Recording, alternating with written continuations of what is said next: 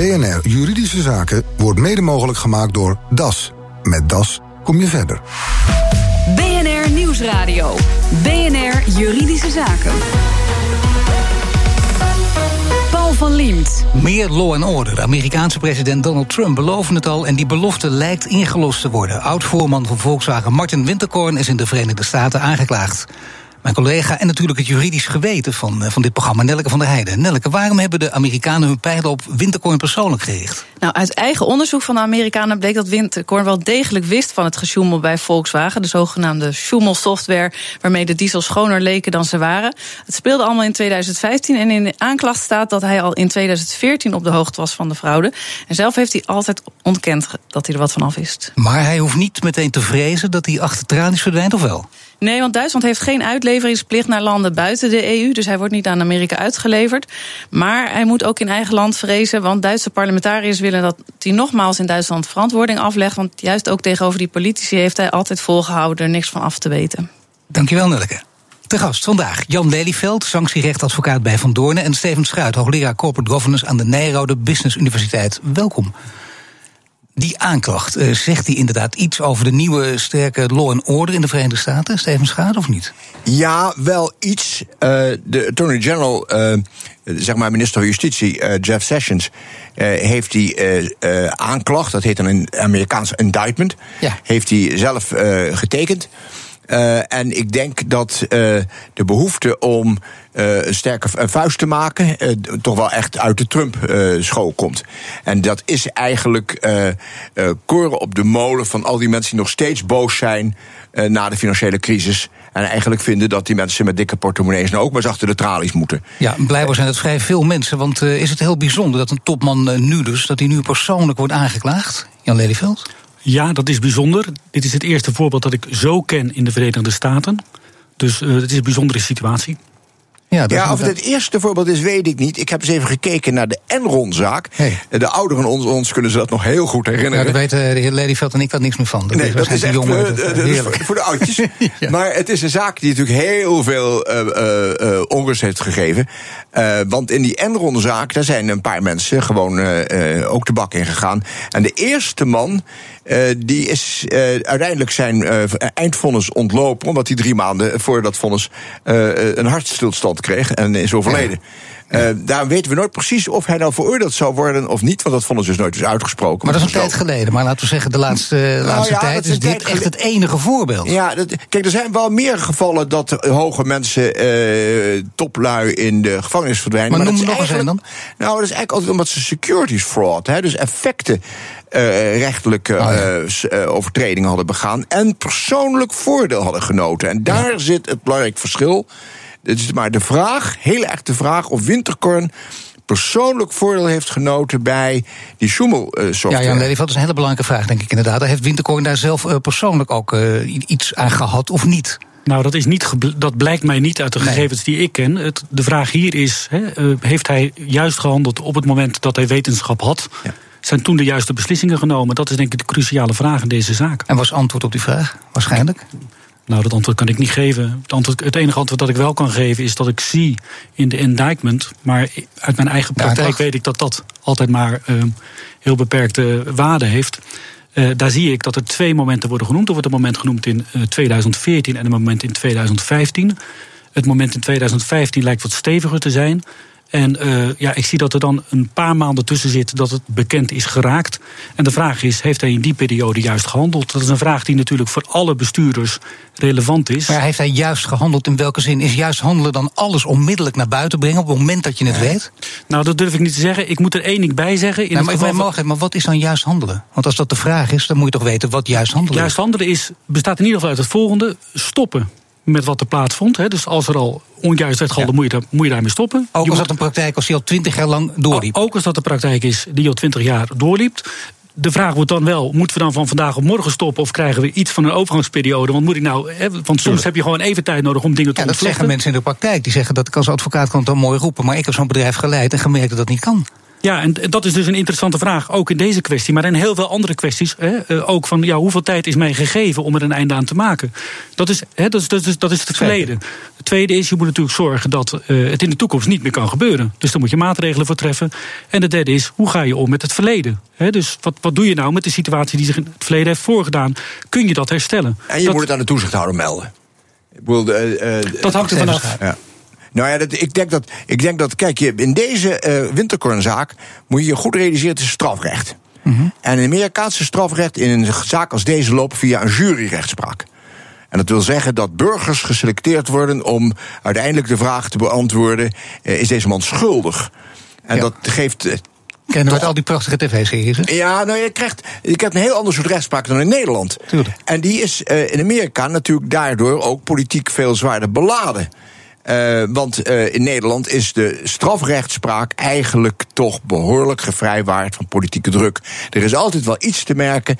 Uh, en dat moet jij ook maar straks even toelichten. Maar ik denk dat in het algemeen in Nederland het strafrecht echt vrij ja, geïsoleerd van de werkelijkheid plaatsvindt. En de Amerikaanse werkelijkheid is dat de burgerij gewoon boos is. En de burgerij is gerepresenteerd in de jury. En de jury is boos dat die topmannen er een potje van maken. Ja. En Winterkoor Politiek en rechtspraak veel dichter bij elkaar. Dus Nederland is in, in de zuiverste vorm een betere democratie, of niet? Nou, of dat een betere democratie nou ja, is. Ik denk van macht, als je die, als je die uh, nou, belangrijk vindt en hoog Ik denk dat in Amerika de burger zich beter gerepresenteerd voelt door een jury dan in Nederland de burger zich gerepresenteerd voelt door het Openbaar Ministerie. Nee, dat begrijp ik. Maar de vraag is juist, als je kijkt naar een uh, driedeling der machten, dan, en dat is toch wat een democratie uh, behelst, zou ja, zeggen. ik heb het niet nu over de wetgever of de regering. Ik heb het over gewoon wat de bevolking vindt. Wat vinden de ja, media? Het gevoel van de bevolking. Wat vinden ja, de media? want kijk, er is natuurlijk toch in Amerika na de subprime-crisis, ja. met die uh, hypotheken die uh, valselijk uh, verstrekt werden, is er heel veel misgegaan.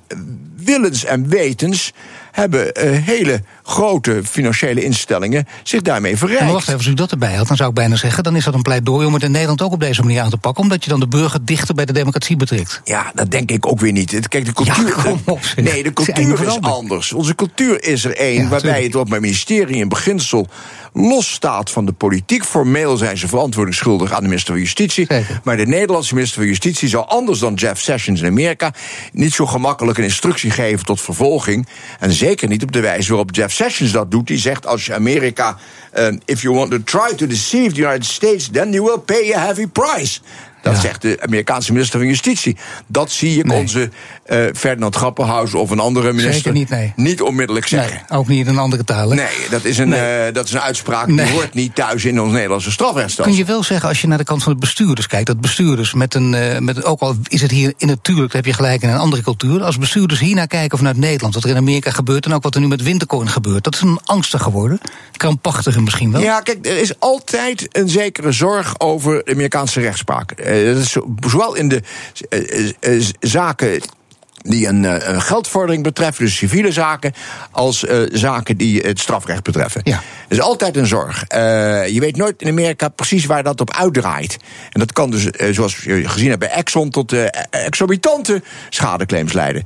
Maar aan de andere kant is het zo dat het in de praktijk nogal losloopt. Je moet niet in, in de gevangenis raken in Amerika, want dan ben je Nee. echt pinari. Nee, maar Als toch, je- het loopt nogal los. Maar dan nog voor de zekerheid. Als je zaken doet in Amerika, kun je dan maar beter met eh, Amerikaanse juristen ook in de hand nemen voor de zekerheid? Ja, ja, moet je zeker doen. Ja? En dat maakt het Ja, ik vraag proces... het even ook aan Jan Lelyveld. Ja, is dat echt beter om dat ja, te doen? Ja, dat is beter. Maar om ook nog even terug te komen op je vraag. Moet je nou eh, bang zijn vanwege deze uitspraak?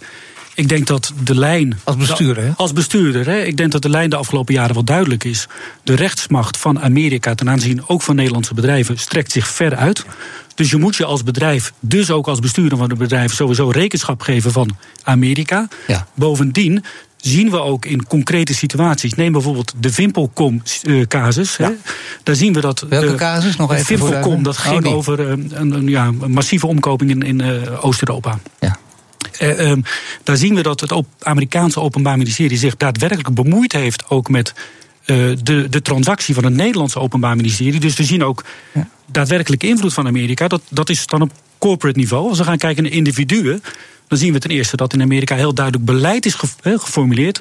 In, in dat heet dan het Gates-memo. Dat is een beleid geformuleerd. Hoe gaan we om met onze bestuurders? Waarin staat, we gaan achter die bestuurders aan van die ondernemingen. En wat zien we nu in Nederland? Ook in Nederland zien we duidelijker dat vaker ook achter het individu aangegaan wordt. Dus wat doe je dus als bestuurder kunt denken? Ik wacht, ik denk al tien keer na voor ik zo'n positie wil innemen. Ja, dat is, eh, dat is waar. En, en tegelijkertijd denk ik dat het ook leidt tot een, uh, een verminderd uh, ondernemerschap. En je moet als ondernemer oh risico durven nemen. Zonder risico geen winst. Nou, dat bedoel ik eigenlijk. Dat dus je, te, moet, kramp, te krampachtig dreigt Je, je krijgt iets van krampachtigheid. En je krijgt daardoor een, een, een dominantie van lawyers in je, in je bedrijf. En dat is verkeerd. Ja. Uh, dat zeg ik als uh, ex-advocaat. Dat ben ik eens hoor. Met grote ja, ja, die vindt het ook verkeerd. Ja, dat en dat vinden ze bij Van Doorn ook allemaal. Uh, oh, zeker. Ja. Nee, goed. nee dat, moet, dat moet niet. Dus in Amerika is dat wel behoorlijk uit de hand gelopen. Ja. en ik denk dat als je in een Nederlands bedrijf daar zit, dat je dat probleem ook hebt. Maar nu komt het.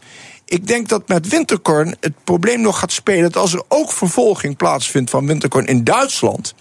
dat je twee parallele procedures gaat zien waarbij de Amerikanen echt niet stoppen met vervolging, omdat ze in Duitsland aan het vervolgen zijn. Eh, want dat heeft het verleden ook laten zien dat dat niet het geval is. En je loopt dus het risico dat je twee keer voor eenzelfde feit wordt veroordeeld. En dat is in Nederland in strijd met een fundamenteel beginsel in het strafrecht. Dat heet in het Latijn ne bis in idem. Ja, niet twee keer voor dezelfde zaak. En dat is dus wat in al die, boekjes, in die boekjes van de kok altijd. Hè? Ja. Ja, ja. Nee, daar weet heel Nederland het inmiddels. Ja, ja. deze uitdrukking. Ja, dat is, maar dat is dus echt, echt link wat ik wil weten, Zeker. Wat ik ook nog wil weten is, hoe zit het eigenlijk in Nederland? Jullie mogen er zo meteen antwoord op geven. Want is er in Nederland ook een voorbeeld bekend van de bestuurder... die uh, aangepakt is? Of waar tegen, tegen wie een aanklacht is ingediend? En misschien wel vergelijkbaar met Winterkorn. En straks ook laten bestuurders de angst regeren... of kun je zelfs tegen vervolging wapen? Nieuwsradio. BNR Juridische Zaken. De aanklacht tegen oud-Volkswagen-topman Winterkorn laat zien dat de bestuurders persoonlijk aansprakelijk gesteld kunnen worden voor frauduleuze praktijken van hun onderneming. Mijn gasten vandaag: Jan Lelyveld, sanctierechtadvocaat bij Van Doornen, en Steven Schuit, hoogleraar Corporate Governance aan de Nijrode Business Universiteit. Ik vroeg ook naar voorbeelden van Nederlandse bestuurders die ook wel eens aangeklaagd worden. En de eerste die mij te binnen schiet is. Maar Steven Schuit mag het zeggen. Uh, Timo Huges? Ja, dat dacht ik ook. Dat, ja. uh, van de NS, dus de oude topman van de NS. Uh, Door het OM aangeklaagd, uiteindelijk vrijgesproken. Ja, ik, ik denk dat in die zaak. Kijk, hij is atypisch in die zin dat eigenlijk iedereen die wat van corporate strafrecht af weet. het ermee eens is dat het Openbaar Ministerie hier excessief heeft gehandeld. dus de vervolging vond plaats op gronden waarvan eigenlijk iedereen zegt: jullie overdrijven. Uh, er is ook uh, geen uitspraak gekomen. Jan, jij weet van die zaak uh, natuurlijk van dichtbij. Nou, hij maakt zelf een bruggetje, die even Schuiten. Nou, ik, maak, media-advocaten. Ik, ik, weet, ik weet van die zaak van dichtbij. Jan Lelyveld. En ik kan erover zeggen he, dat in eerste aanleg de vraag of het toegerekend kon worden aan de bestuurder niet eens aan de orde kwam omdat de rechtbank eigenlijk al kort en met heeft gemaakt met de, de verwijten die in alle betrokkenen werden gemaakt. Ja. Dus het Openbaar Ministerie heeft veel tijd en moeite gestoken om het verhaal over toerekening over het voetlicht te krijgen. Sterker nog, heeft, ook, heeft dat ook echt in de media ook zo over, over het voetlicht gebracht. Als je de persberichten terugleest, dan zul je dat nog zien, hoe dat, hoe dat uh, geframed werd. Maar in de praktijk bleek dat er eigenlijk van het verwijt zelf helemaal niets overbleef. We zullen trouwens zien hoe het in hoger beroep gaat aflopen. Maar hier zie je natuurlijk typisch een voorbeeld waar het Openbaar Ministerie uh, hoopte te kunnen scoren op een politiek, uh, op een politiek gevoelige issue. Ja en uh, ja, gesneuveld is. Nou ja, wacht even, hoger beroep komt nog. Ja, hoger beroep komt nog, maar ik, ik, ik, ik, ik, ik ben zo brutaal om te denken dat ik wel weet wat eruit komt. Wat komt eruit? Kans op soort OM? Ja, ik denk het wel. Ja, denkt Jan Lely van het ook? Of is het echt afwachten? Kun je het gewoon niet zo stellig zeggen? Nou, ik zeg er niets over. Ja, ja. Nee, dat is altijd veilig. Ja, uh, maar ik zeg er wel wat over, want ik denk dat uh, door mijn ministerie hier haasje repje geprobeerd heeft te scoren.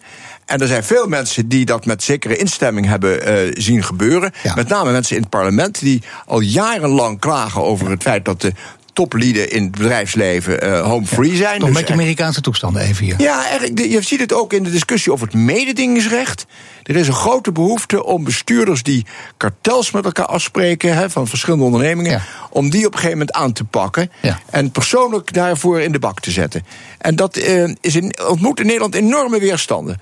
En ik, uh, Terecht ook? Bij de rechterlijke macht omdat je het, bewijs dat die mensen daarvoor rechtstreeks uh, strafrechtelijk kunnen worden uh, aangesproken, heel moeilijk te leveren valt. Dus ik, ik denk dat dat nog niet meevalt. Nee, maar terecht dat er in Nederland op deze manier recht wordt bedreven? ja, het past niet in onze Nederlandse cultuur. Wij zijn aanzienlijk. Uh, uh, we proberen even niet al te cultureel relativistisch te zijn, zodat de Nederlandse cultuur is hier beter in dit geval dan de Amerikaanse? Ja, voor mij wel. Ja, uh, Amerikanen zouden herkennen. Die zeggen dit is, dit is onrecht. En, uh, en ik zeg, uh, recht kent zijn grenzen. en voordat je iemand strafrechtelijk vervolgt, wat op zichzelf al de vervolging, zonder dat het zelfs een vonnis komt, al heel defamerend is, heel schadelijk voor je reputatie. Uh, maar als het tot de vervolging komt, uh, tot een veroordeling komt, is dat natuurlijk iets wat uh, een groot persoonlijk drama meebrengt. Hebben ook gezien bij meerdere voorbeelden, in dit geval ook natuurlijk bij Timo Huggers en ja. bij de NS. Balles Nedam, is dat ook nog een voorbeeld, Jan Lelyveld? Nou, het is een interessant voorbeeld, omdat dat een recent voorbeeld is van een situatie waar de politiek de minister zich wel rechtstreeks met een zaak heeft bemoeid. Omdat in dat geval getransigeerd was. Er was een overeenkomst gemaakt. Getransigeerd? Een overeenkomst gesloten was met Ballas Nedam en met KPMG om uh, niet tot vervolging over te gaan. En vervolgens is het Openbaar Ministerie uh, teruggefloten als het gaat om de betrokken accountant van KPMG. Daarvan heeft de minister gezegd, die moet u wel gaan vervolgen. En vervolgens hebben we gezien, en ik deel het, standpunt van, uh, van Schuit volledig, dat de rechtbank daar heel kritisch naar kijkt. hoe, ga je nou, hoe ga je nou met de belangen van betrokken personen om? En eh, de rechtbank heeft uh, uiteindelijk het Openbaar Ministerie in die zaak niet ontvankelijk verklaard. En heeft gezegd: ja, het past niet dat u in deze zaak achter de accountants aangaat. Dan speelt er nog iets. Eh, er zijn bestuurders die misschien denken: mijn ondernemer heeft al geschikt. Dat doen we in Nederland ook vaak, het schikken. Kan ik alsnog een klacht verwachten, denkt zo'n bestuurder dan? Ja, is dat is het vervelende. Dat speelt bij Rabo speelde dat. Oh ja. Uh, Rabo heeft een, uh, in die Libor-fraude ja. uh, een, een, enorme klap gekregen van de Amerikaanse prosecutor en van de Nederlandse Openbaar Ministerie. een waanzinnig hoge boete die we niet eerder kenden eigenlijk in Nederland. Uh, en toen is dus de vraag aan de orde gekomen: uh, moeten nou de oud-bestuurders uh, van Rabo, die in die tijd in, -hmm. aan de macht waren, moeten die ook vrezen voor ja. de marshal, zoals dat heet? Dat is dan de, de politieagent die in ja. John F. Kennedy Airport in New York op een gegeven moment op je schouder tikt en je ja. gewoon ter plaatse in de boeien slaat. Ja, het antwoord erop is ja. Uh, dat risico loop je. Het antwoord is nog veel concreter. Er is namelijk een klacht ingediend door Gerard Spong. Ja. Uh, voor het niet vervolgen van ja. uh, Rabobank en het niet vervolgen van bestuurders. En die klacht is gewoon door het Hof in Den Haag behandeld. En ja. daar heeft het Hof zich er hierover uitgelaten. Ja. En de criteria die dan worden gehanteerd is de eerste natuurlijk... ja, kan het bewezen worden? Hebben wij bewijs dat die in dit geval de Rabobank bestuurders bijvoorbeeld op de hoogte zijn geweest van, uh, van, van dit verwijt. Ja. En vervolgens hebben nagelaten om op te treden. Als, als het antwoord daar op die vraag is nee, ja, dan zijn we natuurlijk klaar, want dan is, er, dan is er geen verwijt. Als het antwoord op die vraag is ja, dan komt de volgende vraag aan de orde. onder deze gegeven omstandigheden stond het het Openbaar Ministerie dan toch vrij om niet te gaan vervolgen. Dat heet dan de opportuniteitsvraag. Daar heeft het Openbaar Ministerie veel ruimte. Maar als er veel maatschappelijke impact is, Libozaak had veel maatschappelijke impact. Ja, dan, dan zul je dat wel goed moeten kunnen verantwoorden als Openbaar Ministerie. Ja, dat was in Libozaak heel duidelijk. Maar hoe kun je verder dan eh, veel maatschappelijke impact, hoe kun je dat meten? Ach, dat is onmeetbaar. Maar ik denk dat we het allemaal redelijk kunnen invoelen. Invoelen. Nou, dat is leuk om dat in dit ja, programma ook, keer te horen. invoelen. Je voelt het al in als je ziet het bedrag van die boetes. Ja. Uh, die zijn zo enorm dat je eigenlijk eh, al daaruit kan aflezen dat er hier sprake is van iets wat uh, buitengewoon gaan we, in gaan we in Nederland ook nog iets verwachten? We hebben nu uh, Winterkorn. Uh, zijn er ook Nederlandse bestuurders die, die nu moeten vrezen? Zijn er zaken, zonder dat jullie namen hoeven noemen, dat kan ik me ook nog voorstellen, dat je denkt dat kan nu even om alle redenen niet, maar gaan we meer verwachten? Komen er namen van Nederlandse bestuurders ook aan de beurt? Ik denk het wel.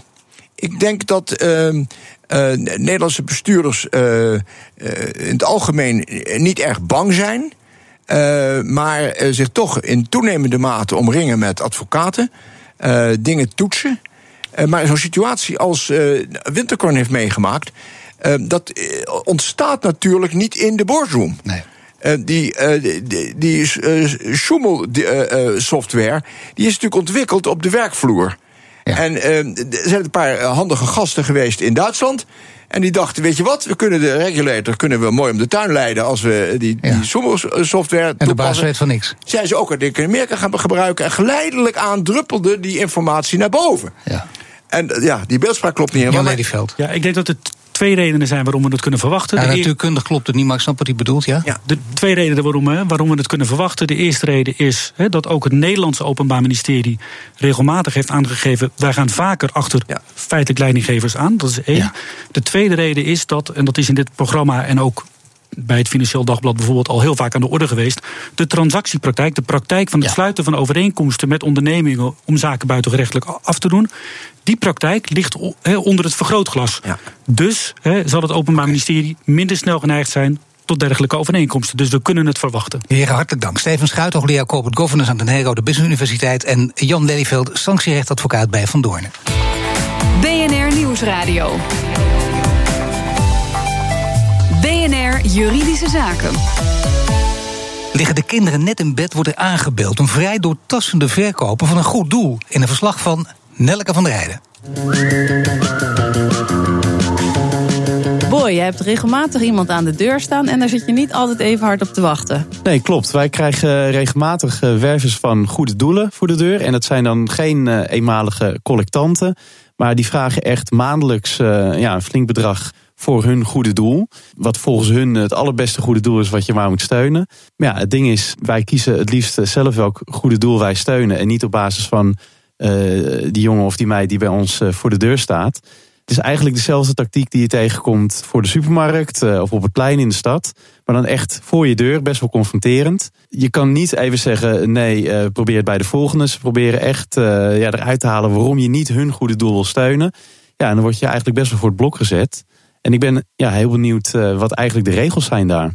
Ja, want dat is vrij intimiderend eigenlijk wel. Ja, voor je eigen deur is het iets anders dan op straat. Kijk, op, op straat, ja, of je hebt geen tijd voor een gesprekje, of uh, je kan het gewoon even rustig uitleggen. Maar ja, voor je eigen deur in je eigen huis uh, iemand anders verantwoording af moeten leggen. Uh, ja, dat vind ik wel een beetje ver gaan. Ja, en heb je overwogen om stickers op de deur te plakken? Ja, ik heb op internet gezien dat je stickers kan bestellen daarvoor. Maar dat gaat wel een beetje ver, want die stickers zijn geen collectanten. En uh, dan scheer je eigenlijk alles over één kam. Want collectanten zijn nou, bij ons dan welkom. Maar ja, ik geef gewoon graag 1 of 2 euro in de collectebus. Maar ik wil me niet committeren tot iedere maand uh, 10 euro storten. Voor een doel wat ik helemaal nog niet ken op dat moment. Menno wij van Solf Advocaten. Zijn er inderdaad regels waardoor Boy iets kan met al die deurverkopers? Er is een wet op de colportage, maar daar gaat hij niet mee uit de voeten komen. De colportagewet is echt voor partijen die commerciële producten of diensten willen verkopen, zodat er nou ja, een soort van zakelijke overeenkomst bestaat. En aangezien dit uit vrije wil geschiet, althans als hij uit vrije wil ja zegt, geldt die regel dus niet. Dus daar kan hij niet mee verder. Wat wel denk ik prettig is, er is een toezichthouder, het CBF, het Centraal Bureau voor de Fondsenwerving, die dus in de gaten houdt of nou ja, dit soort praktijken waar hij mee te maken heeft, of dat wel door de beugel kan. Dus daar kan hij met klachten ook terecht? Ja, ze hebben een klachtenregeling, ze hebben informatie over erkende nou ja, zeg maar fondsen uh, die zijn aangesloten. En ik heb ook begrepen dat er een soort rooster is, zodat je kunt kijken uh, in jouw regio met wanneer wie gepland heeft om langs te gaan. En als zo'n verkoper dan nee niet accepteert, is dat ook iets waar hij bij dat CBF terecht kan? Ja, hij kan echt een klacht indienen. Hoe dan zo'n klacht wordt opgepakt, dat weet ik niet exact. Maar ik heb wel begrepen dat ze dit soort klachten serieus nemen en nou ja, dat, je, dat er naar je geluisterd wordt. En hij had ook iets over stickers gezien, maar dat leek voor hem geen uitkomst te bieden. Nee, ja, ik begreep dat hij zei uh, dat je dan nee tegen alles en iedereen en ook tegen collectanten zegt. Maar ik heb begrepen dat er een sticker is die zegt ja, hè, ik welkom voor collectanten en nee tegen die colportage. Hè, dus die uh, mensen die echt producten of diensten aan je willen verkopen. Dus dat alleen de nee voor die professionele jongens geldt en niet voor de collectanten. Dus volgens mij moet dat aan zijn behoeften tegemoet kunnen komen. Als hij van een grapje houdt, heb ik nog wel een andere tip. Ik heb ook begrepen dat er nog een soort ludieke variant is op die sticker. Die zegt met zoveel woorden: wil je mij iets verkopen, ook een collectant, dan breng ik 25 euro in rekening om naar je verhaal te luisteren. En door aan te bellen, ga je akkoord met deze voorwaarden. Misschien niet de meest juridische tip, maar advocaat Menno Wij draagt wel een leuke manier aan om geld te verdienen aan deurgeleur. En een verslag van Nelleke van der Heijden. Heeft u ook een juridische vraag? Mail hem naar juridischezaken.bnr.nl. En heeft u een vraag over de Europese privacywetgeving die eind deze maand ingaat? Mail die dan ook naar juridischezaken.bnr.nl. Daar gaan we 22 mei op in. Dit was de uitzending voor vandaag. U kunt de show terugluisteren via bnr.nl/slash juridische zaken. Mijn naam is Paul van Diemt. Tot de volgende zitting. BNR Juridische Zaken wordt mede mogelijk gemaakt door DAS. Met DAS kom je verder.